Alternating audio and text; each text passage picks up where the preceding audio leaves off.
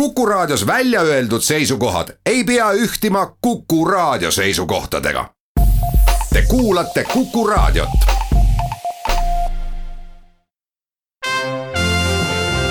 Tallinna Filharmoonia esitleb Filharmooniline huvitaja. tere päevast, head kuulajad!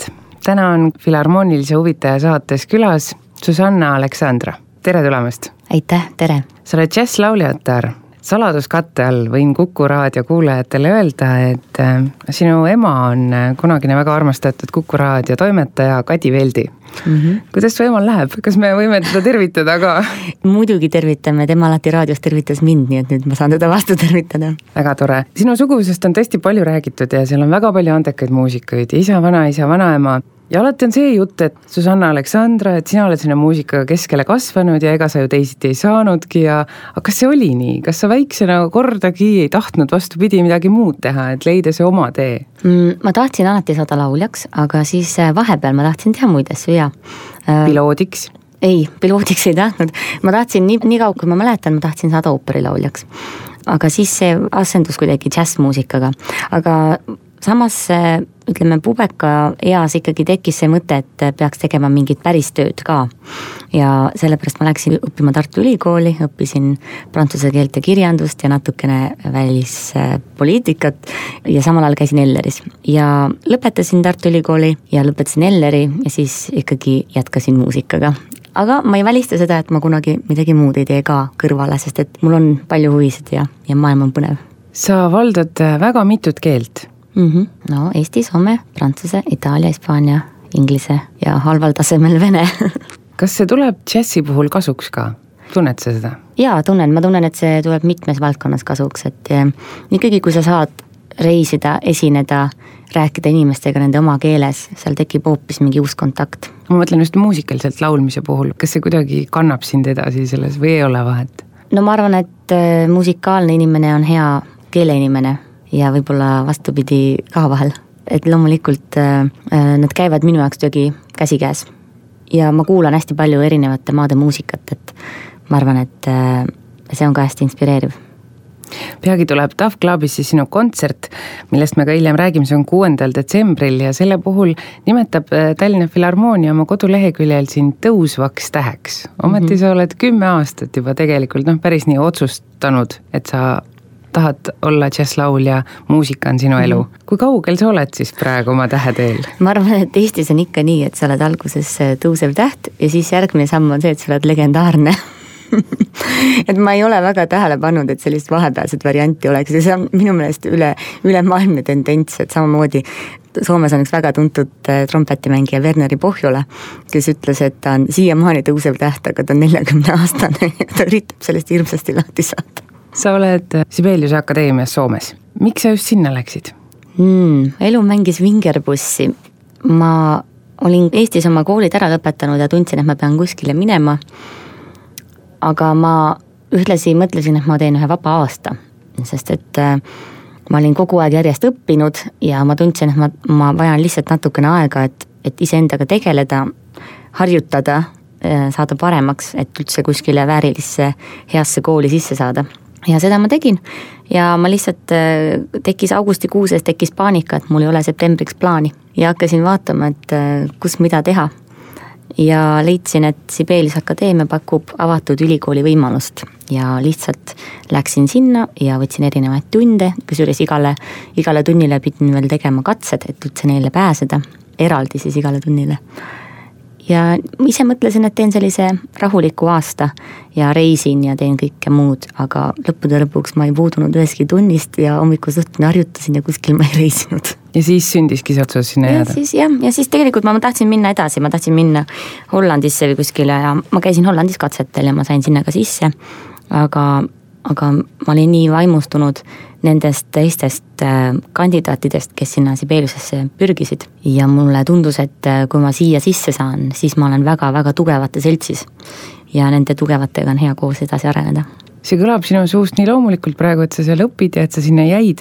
tegelikult, kui suur see konkurss on, et saada Sibeliuse Akadeemiasse džässlaulu õppima? seal on tavaliselt kuskil sada viiskümmend kuni sada kaheksakümmend kandidaati, mitte siis ainult lauljaid, vaid kõiki. ja nendest siis viis valitakse ja seal ei valita nagu, et üks laulja, üks trompetimängija, üks kitarrist, et seal valitakse lihtsalt viis selle järgi, kes neile meeldivad. ja sina oled siis džässlauljana? üks viiest siis või noh, ütleme. nagu üksinda?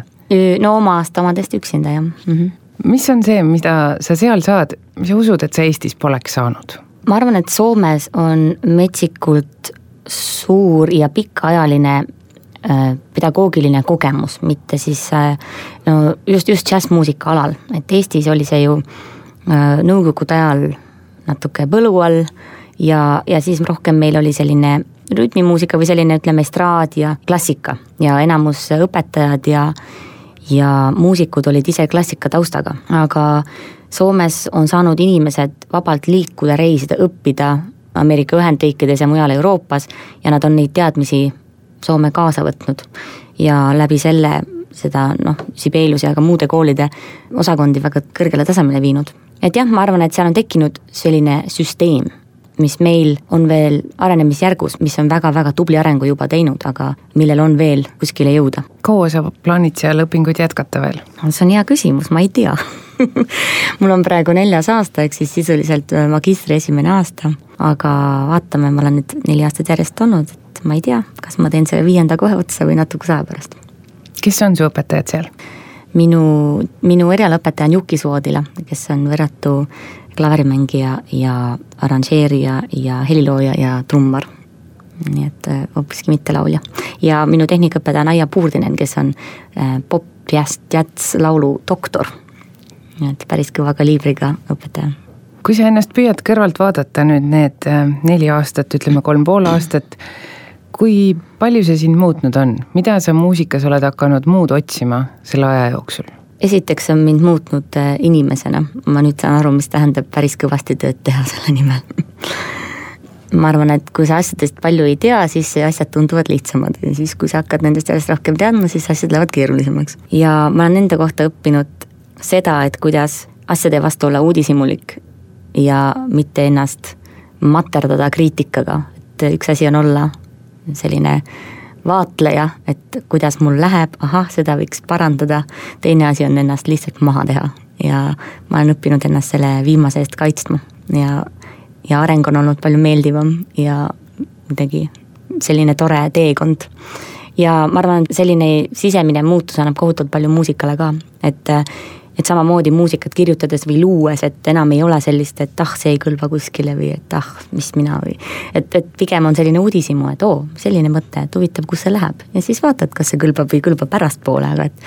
et see on selline mõnus kriitikavaba ja jah, see ongi võib-olla mingi sisemine selline aktsepteerimine iseendast ja mida muusikas otsinud, loomulikult mida rohkem õpid, seda rohkem kõrvad lähevad lahti seda rohkem paned asju tähele, aga mida ma ikkagi olen alati otsinud ja mis ei ole muutunud, on, äh, on ikkagi see, et muusika mõjuks kuidagi ravitsevalt või meeli ergutavalt. seda võib iluks ka nimetada, aga ilu on natukene mitmepalgeline sõna, et mis on ühe jaoks ilus, teise jaoks ei ole, et sellepärast ilu on nagu raskem öelda. aga minu meelest muusika võiks olla midagi sellist, mis tekitab tunde, et et elu on tore ja elu on ilus ja et siin on hea olla. sinu puhul on kasutatud väljendit põhjamaine džäss. elu on ilus ja siin on tore olla mm, -hmm. kuidagi tulevad sellised soojad ja mõnusad toonid, aga kui ma mõtlen Põhjamaade peale, siis on võib-olla jäämäed ja kaljud ja selline minimalistlik loodus ja mis siis on selle Põhjamaade džässi iva? ma arvan, et äh, see võib olla just seda, mis sa kirjeldasid, et äh, sellised looduspildid või sellised puhtad helid ja, ja just nimelt mingis mõttes lihtsus. aga ma iseennast päris puhtalt põhjamaise džässi alla ei liigitaks ja, ja, ja samas, mis see üldse on, on ju, see on selline ka jällegi keeruline kategooria, et ma ise ütleksin, et ma olen selline segu traditsioonilisest ja modernsest džässist, ma tahan endas kanda seda džässipärandit, aga siis anda sellele juurde seda omapoolset nägemust. kas sulle ei tundu nii, et tänapäeval pigem peljatakse natuke seda väljendit traditsiooniline džäss? jaa, tundub küll. miks see on nii? sest et seda on raske õppida, kui me päris ausalt ütleme. selle jaoks peab palju vaeva nägema ja millegipärast inimesed alati ei taha seda teha. see kuuenda detsembri kontsert nüüd on sarjast Naabrid ja teema on Soome mm. -hmm. sina oled Eesti tüdruk mm. -hmm. kuidas see kõik niimoodi kokku klapib?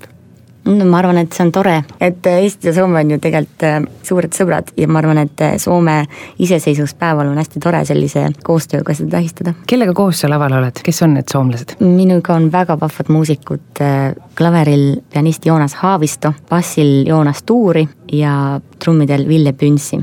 Joonas on üks väga silmapaistev Põhjamaade pianist, ta on esinenud igal pool maailmas, andnud mitu tuuri Jaapanis, tema plaate on kiidetud kriitikute poolt ja ta on ka nimetatud esimesena Soomes äh, Steinway artistiks. ja see looming, mida te esindate, on siis sinu looming, kelle? minu ja tema ja ma kirjutan tema lugudele sõnu ja tema seab ühe ilusa Soome rahvalaulu Soome sünnipäeva puhul ja siis minu lugusid jällegi tema on, on natukene siin nipet-näpet äh, ümber teinud või aidanud mõelda, nii et me oleme siin pidanud mõnusaid proove.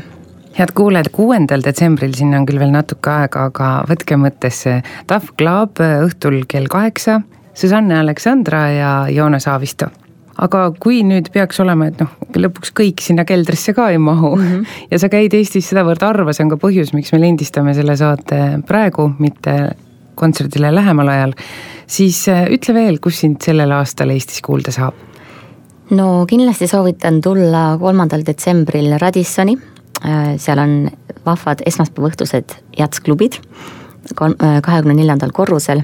Ja seal me esineme samuti täiesti uue kavaga, mina, äh, Ain Agan ja Jaanis Kill, mõlemad kitarridel. Ja samuti tuleb esitusele oma loomingut, nii minu kui Ain Agana loomingut. Ja ma arvan, et tuleb hästi-hästi mõnus selline intiimne kontsert. ja kuueteistkümnendal detsembril on Kõltsu mõisas selline džässkontsert pluss õhtusöök, nii et kindlasti soovitan silma peal hoida, et millal sinna pileteid saab, see tuleb kindlasti väga hubane õhtu. Aga esimene võimalus siis Susanna Aleksandrat kuulda on kuuendal detsembril Tough Clubis Mustpeade majas. Suur,. suur-suur aitäh sulle tulemast, ma soovin, et su õpingud läheksid väga hästi, et sa leiaksid äh, selle mõnusa enesekindluse, mida sa otsid ja et äh, see avaks kõik teed sulle džässimaailmas, mida sa soovid. suur tänu. head päeva jätku.